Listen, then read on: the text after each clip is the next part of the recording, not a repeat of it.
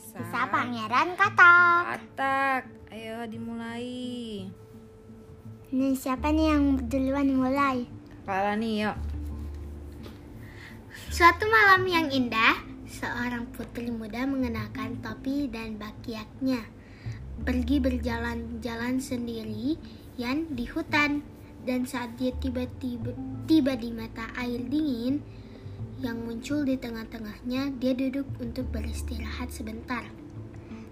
Sekarang dia memiliki bola emas di tangannya yang merupakan mainan favoritnya dan dia selalu melemparkannya ke udara dan menangkapnya lagi saat jatuh. Setelah beberapa waktu, dia melemparkannya begitu tinggi sehingga dia tidak bisa menangkapnya. Saat jatuh, bola itu terbang pergi dan berguling di atas tanah sampai akhirnya jatuh ke mata air.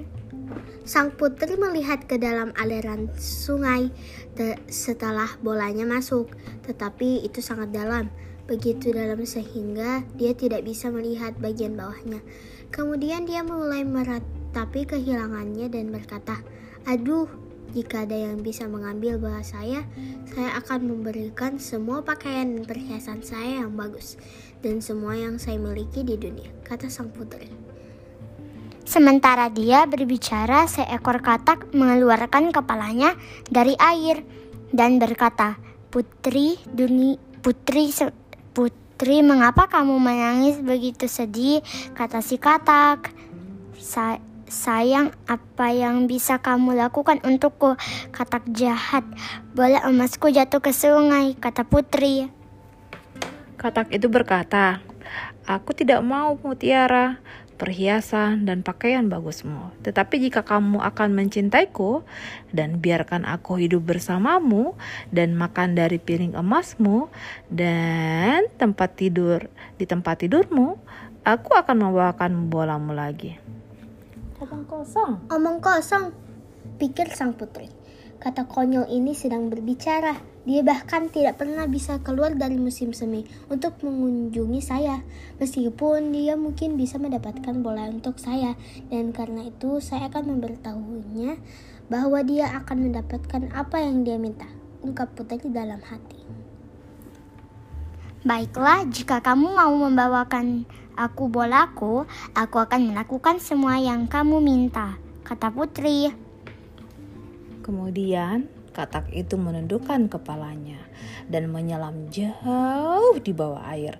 Dan setelah beberapa saat dia muncul lagi dengan bola di mulutnya dan melemparkannya ke tepi sungai. Segera setelah putri muda melihat bolanya, dia berlari untuk mengambilnya dan dia sangat senang memilikinya di tangannya lagi dan dia tidak pernah memikirkan katak tetapi berlari pulang dengan secepat mungkin katak itu memanggilnya.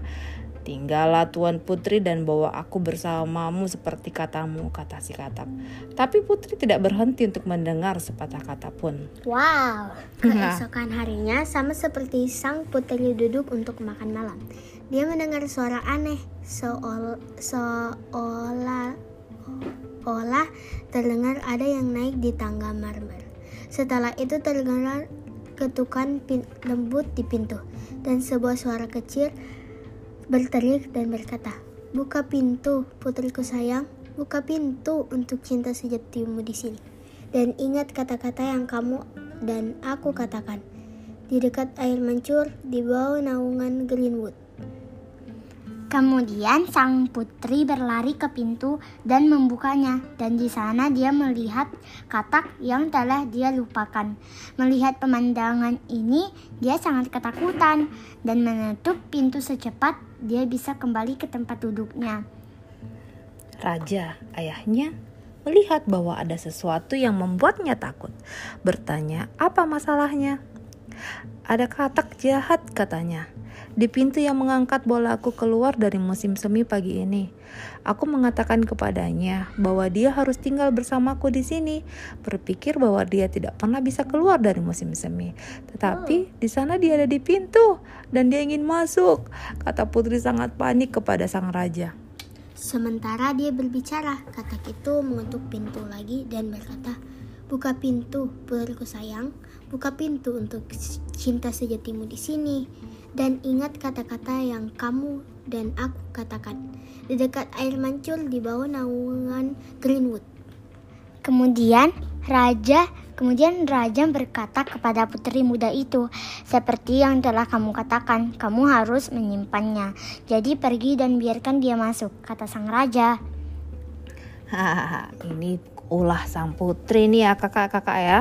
Iya. Putri pun melakukannya dan katak melompat ke dalam ruangan dan kemudian Wow. langsung meloncat naik dari bagian bawah ruangan ke atas sampai dia datang dekat ke meja di mana sang putri duduk. Berdoalah, angkatku, angkat aku di kursi, katanya kepada putri, dan biarkan aku duduk di sebelahmu. Segera setelah dia melakukan ini, Katak berkata, letakkan piringmu lebih dekat denganku, supaya aku bisa makan dari itu. Ini yang dia lakukan, dan ketika dimakan, sebanyak yang dia bisa. Dia berkata, "Sekarang aku lelah, bawa aku ke atas dan tempatkan aku di tempat tidurmu."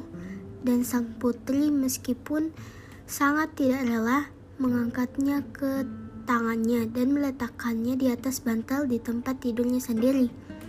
Di mana ia tidur sepanjang malam, begitu cahaya di melompat-melompat ke bawah dan keluar dari rumah, akhirnya dia pergi dan aku tidak akan bermasalah dengannya lagi, kata sang putri.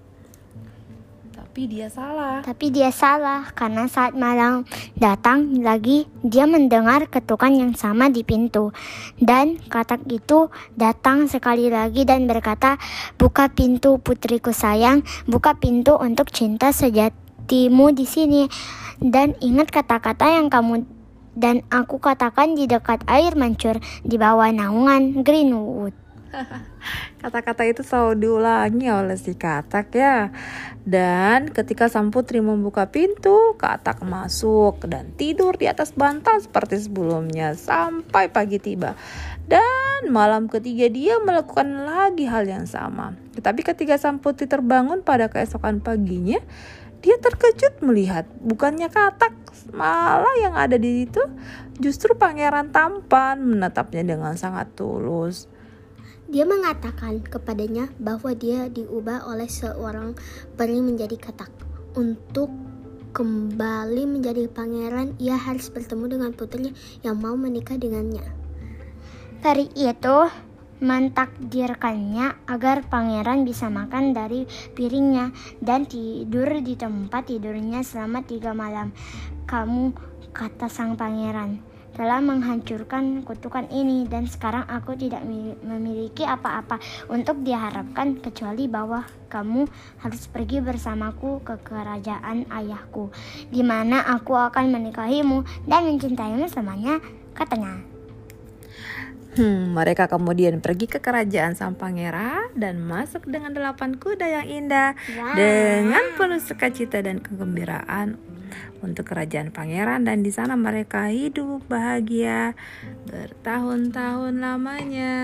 wah ceritanya Seru ya ceritanya. iya Oke, makasih semuanya sudah mendengarkan cerita kita. oke Bye. Jadi, bye